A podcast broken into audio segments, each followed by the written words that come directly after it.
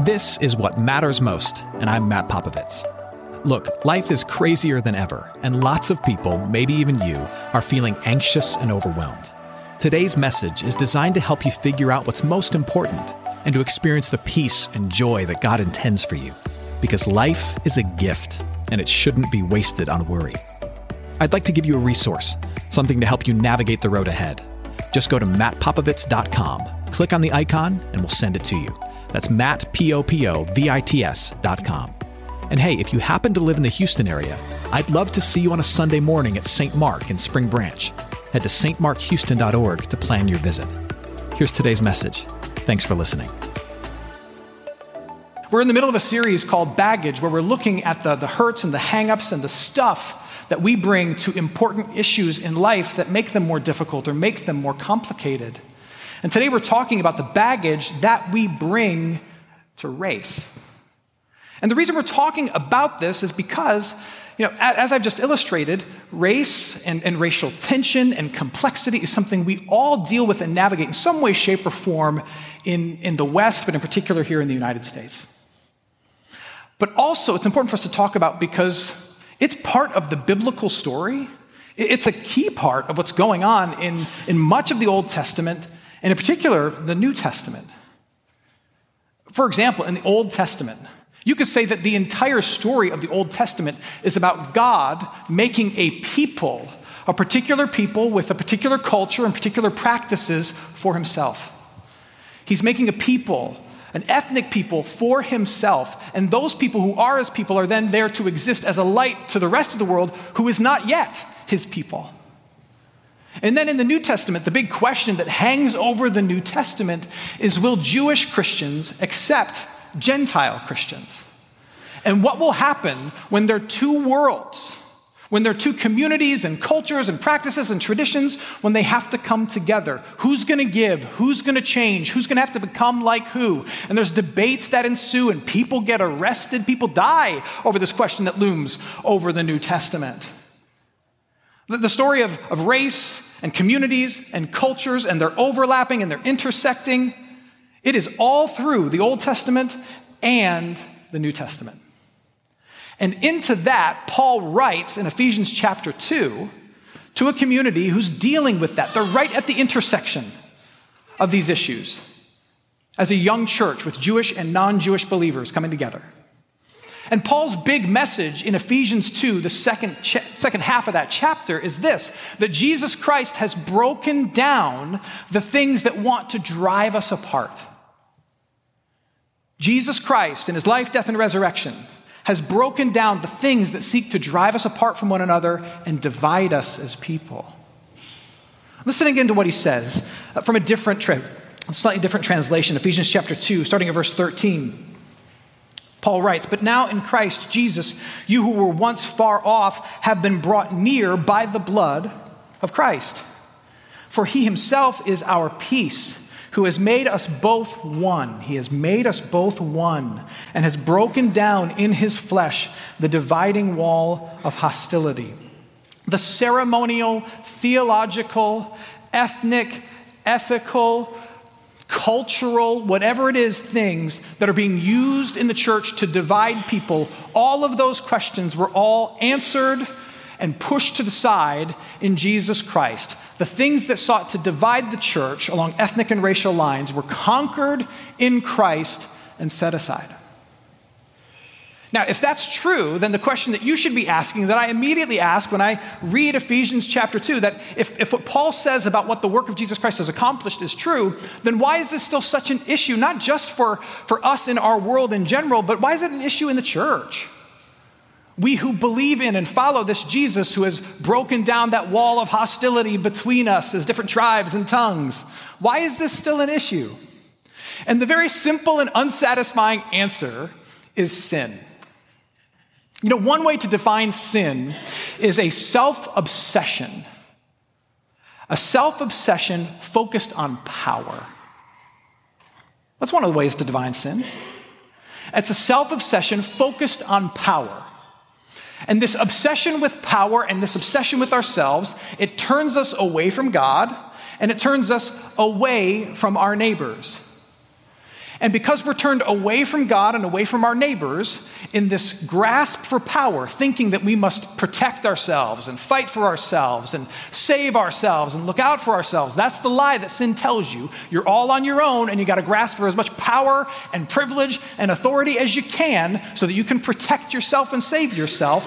What that does is it pulls us from God, it pulls us from others, and then it fuels all this stuff that fosters and creates the division and the tension between us as human beings. The, the, scriptures tell us that the whole purpose of your life as a human being, white, black, Asian, Hispanic, the, the, the whole purpose of your life as a human being is simple. The whole purpose of your life is to love God and love others. Over and over, scriptures tell us that. And yet, what happens is, because of our sinful obsession with self and, and hunger and lust for power, which turns us away from God and turns us away from others, rather than love others, what we do is we seek to leverage others. And by leverage, what I mean is we see others as someone that we need to get ahead of, get in front of, or prioritize as somehow less than or lower than ourselves. Because remember, I've got to save myself and it's all about power. So now, rather than love you, I got to find a way to get ahead of you. And I got to leverage this relationship so that I can get ahead of you. And when you're seeking to leverage and get ahead rather than love, what happens is distinctions between you and that other person all of a sudden become points of division. Because this person is a threat to you. You're looking out for yourself, you need power, and you don't have the luxury to see the beauty and complexity and diversity of the world. Now, all you see is something that you can use as a means to get ahead or something to hold against them so that you can have more power, more privilege, and more opportunity than the other person. Rather than love, we leverage and we turn distinctions into divisions. I mean, I would argue that, that anytime you see racism in all of its ugly forms, at its essence, what you're seeing is someone clamoring for power or to hold on to power at the expense of another person and using the distinctions between them as the excuse. That's what you're seeing. And when that happens, and we've all seen it happen in some way, shape, or form, at some point we're all guilty of it. And, and many of us have been on the receiving end of it. When that happens, it builds up a wall between the two groups. It builds what, what Paul might call a wall of hostility between those two groups, a dividing wall of hostility. Now let's back up a bit and let's talk about the relationship between God and all of mankind. Paul talks about really two dividing walls of hostility one that exists between racial groups, ethnic groups, and one that exists between all people and the divine. And there is this wall of hostility, this deep division between humanity and God because of humanity's sinfulness. At least there used to be. But what happened? God, out of his love for us, wanting a relationship with us, despite this division between all of us and him, he said, Well, if this wall's gonna go anywhere, if this division is gonna be erased, I'm gonna have to do something about it. And so God says something's gonna have to die, something's gonna have to give. And so God goes first. And what does he do? He sends his son, Jesus Christ, who is the literal sacrifice. And Jesus comes and, and he lives the life that we can't live, and then he dies the death that we deserve, and he rises out of our tomb and he defeats the hostility between humanity and God. Now the sins are paid for, the curse is broken. There is nothing between humanity and the one who made us. Nothing. Nothing at all. There is nothing stopping you from having a right relationship with God the Father. Because of Jesus Christ the Son, the wall of hostility and division is broken down. But what did it take? What did it take? It took a death, right? It took a sacrifice, right? It took the one who, who who, in, for all rights and all intents and purposes, shouldn't have to do a thing to do the greatest thing. That's what it took. Now, the good news about that for this conversation, and this is a big part of Paul's point, is that the peace that Jesus Christ won for humanity is meant to foster peace among humanity. The divisions that Jesus broke down between us and the Father is meant to then fuel a breaking down of divisions between us as people. Look again at what Paul says, starting at verse 14, now going through verse 16. Paul writes Jesus himself is our peace, who has made us both one and has broken down in his flesh the dividing wall of hostility by abolishing the law of commandments expressed in ordinances, that he might create in himself one new man, one new mankind, one new people, one new man in place of the two, so making peace and might reconcile us both to God in one body through the cross, thereby killing the hostility. Paul says that Christ, in his life, death, and resurrection, has healed the hostility this way and it's an opportunity to heal the hostility and the division this way. The prophet Isaiah says that Jesus is the Prince of Peace. You could also say that Jesus is the price of peace.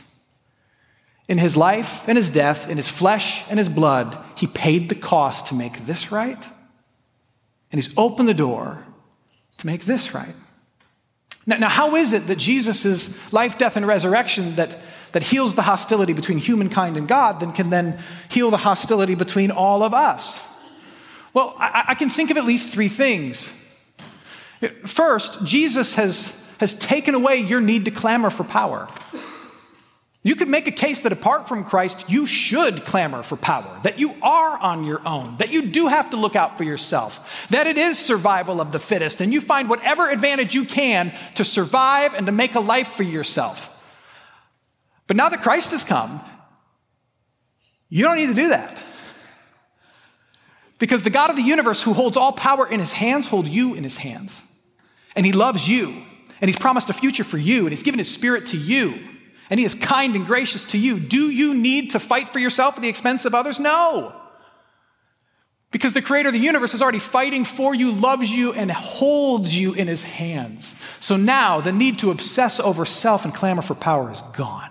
And that's the primary driver of sinfulness. Hey, friends, it's Matt. If you enjoy what matters most, I invite you to give a one time gift or to become a regular, recurring supporter of our ministry. It's your gifts that put and keep this show on the air and make it possible for us to do even more. To partner with us, just head to mattpopovits.com. That's M A T T P O P O V I T S.com and choose to give. And as a thank you, we'll send you a copy of my first book, Tough Call, as a gift. Help us keep sharing what matters most with as many as possible. Head to mattpopovits.com and choose Give. Second, Jesus, in his life, death, and resurrection, he's taken all the things that you used to try and use as rationalizations for separation between you and other people, and he's conquered those things and set them to the side. For, for the Jewish people, with the Gentiles, it was the ceremonial law. So when Paul makes a reference to Moses' commands, what he's saying is look, you used to use that as rationale for treating these people differently. You used to use that as a way to legitimize you seeing them as less than. Well, Jesus has taken that completely off the table. Whatever ceremonial, cultural, whatever thing that you want to use against other people, Jesus has answered it set it aside. You no longer have that tool in your belt. You can't. And then, third, and perhaps most importantly, because we are all recipients of what Jesus has done for us in making our relationship right with the Father, what He's done is made all of us, despite our different tribes and tongues and stories and backgrounds, He's made all of us siblings. We are part of a new identity, a new community, Paul says. We are all brothers and sisters in the faith. And this is why it's right to say that racism in all of its forms and Christianity simply cannot coincide. Not just because racism is repugnant, but because racism is tantamount to a rejection of the person and the work and the promises and the impact of Jesus Christ. Because Jesus Christ says that you and I, no matter your background, no matter my skin color, no matter my culture, no matter yours, we are brothers and sisters in the faith of equal dignity, equal worth, of equal respect and love. Therefore, if I treat you as a less than, or I turn a blind eye while somebody else does that, I am not only doing something that's awful, I am rejecting what has been done for me in Jesus Christ, who says, No, no, no, we are one. I cannot hold both these things in the same hand. It's not possible. So, our task as followers of Jesus who know this is to not only live with the knowledge that our relationship has been made right with the Father, but to then find ways, work towards ways for the rightness to flow through us into all these other relationships where the dividing wall of hostility wants to remain. And where our grasp for power and privilege seeks to destroy the unity that Jesus Christ is inviting us into. So then the question for us is this well, then how do we do that? What does it look like for us to work from our reconciliation with the Father toward a reconciled world among each other? I'm so glad you asked in the middle of this very awkward conversation.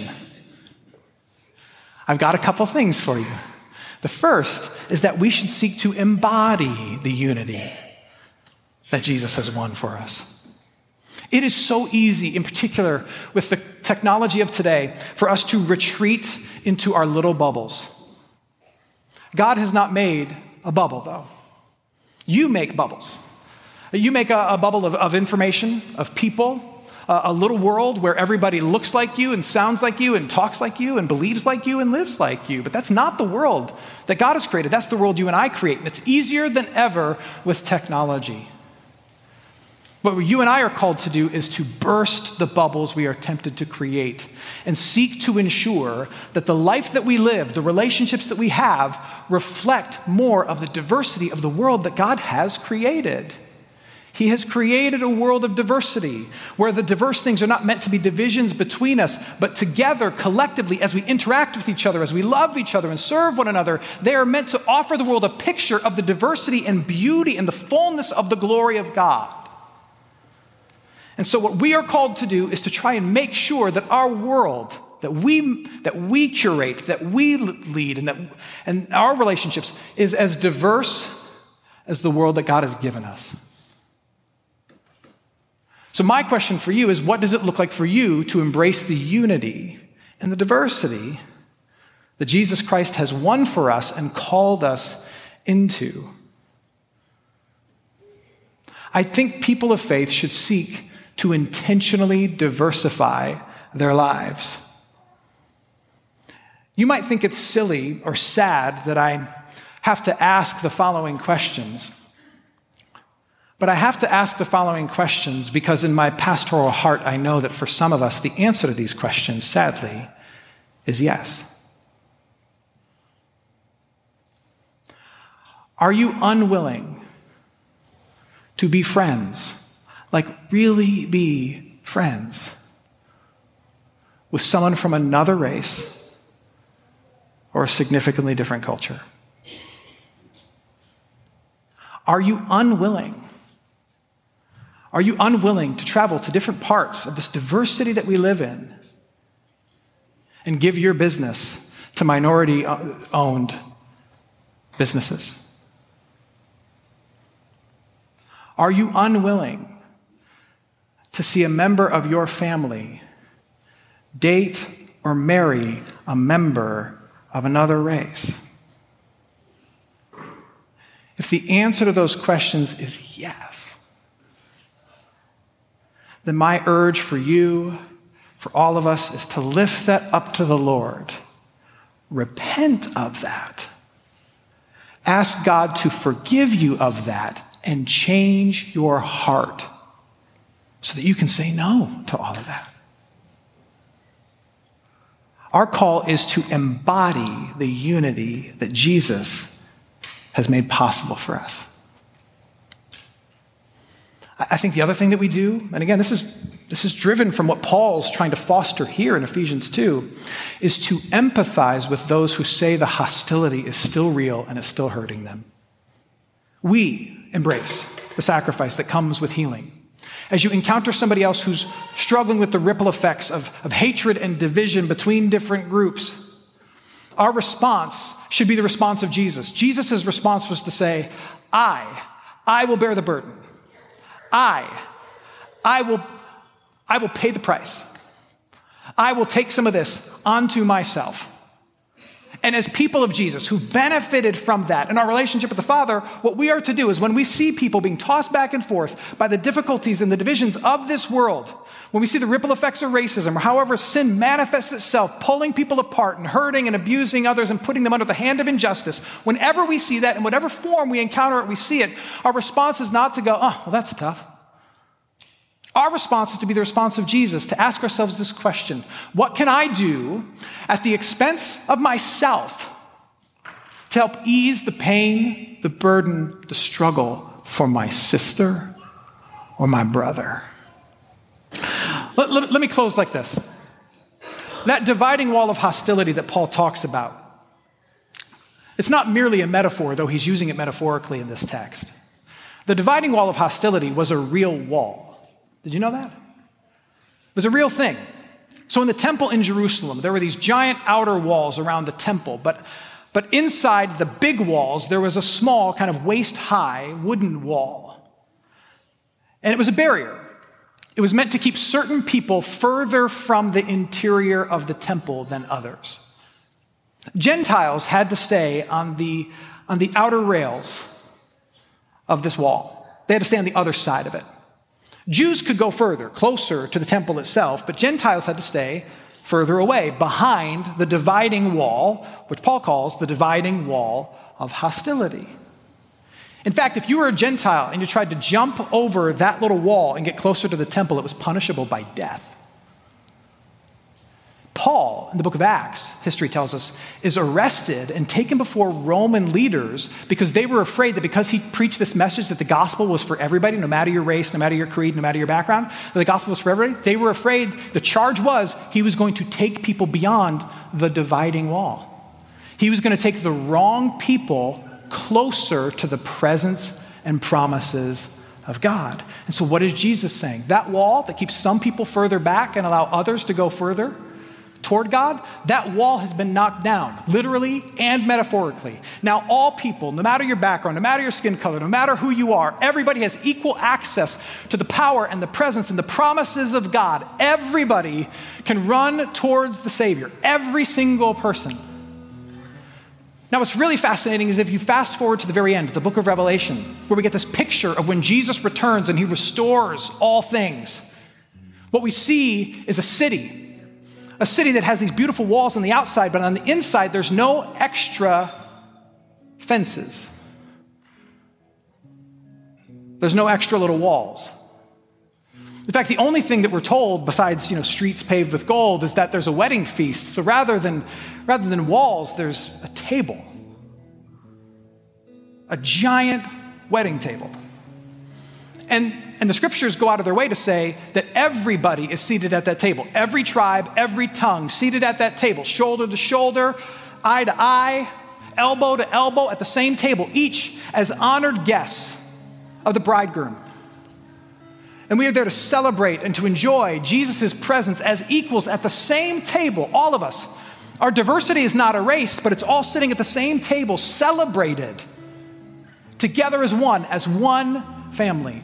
As a follower of Jesus Christ, one of your callings in this world is to take the reconciliation you've received this way and to live it out this way. What that looks like is to join Jesus in the great work of breaking down walls and setting more tables. That's what it looks like. Hey, it's Matt. I hope you enjoyed what matters most. Here's what I need you to know life is a gift, and it shouldn't be wasted on worry. I want to help you figure out what's most important and to experience the peace and joy that God intends for you. So, for more content, you can head to mattpopovits.com. That's Matt, P O P O V I T S.com. There, you can also support this ministry as well as access your free resource, a little something to help you navigate the road ahead. I'd also love to see you on a Sunday morning. If you're in the Houston area, head to stmarkhouston.org to plan your visit. In the meantime, Hit me up on Instagram at mpopovits or at facebook.com slash Matt Popovits Ministries. Thanks for listening. Now go and hold tight to what matters most.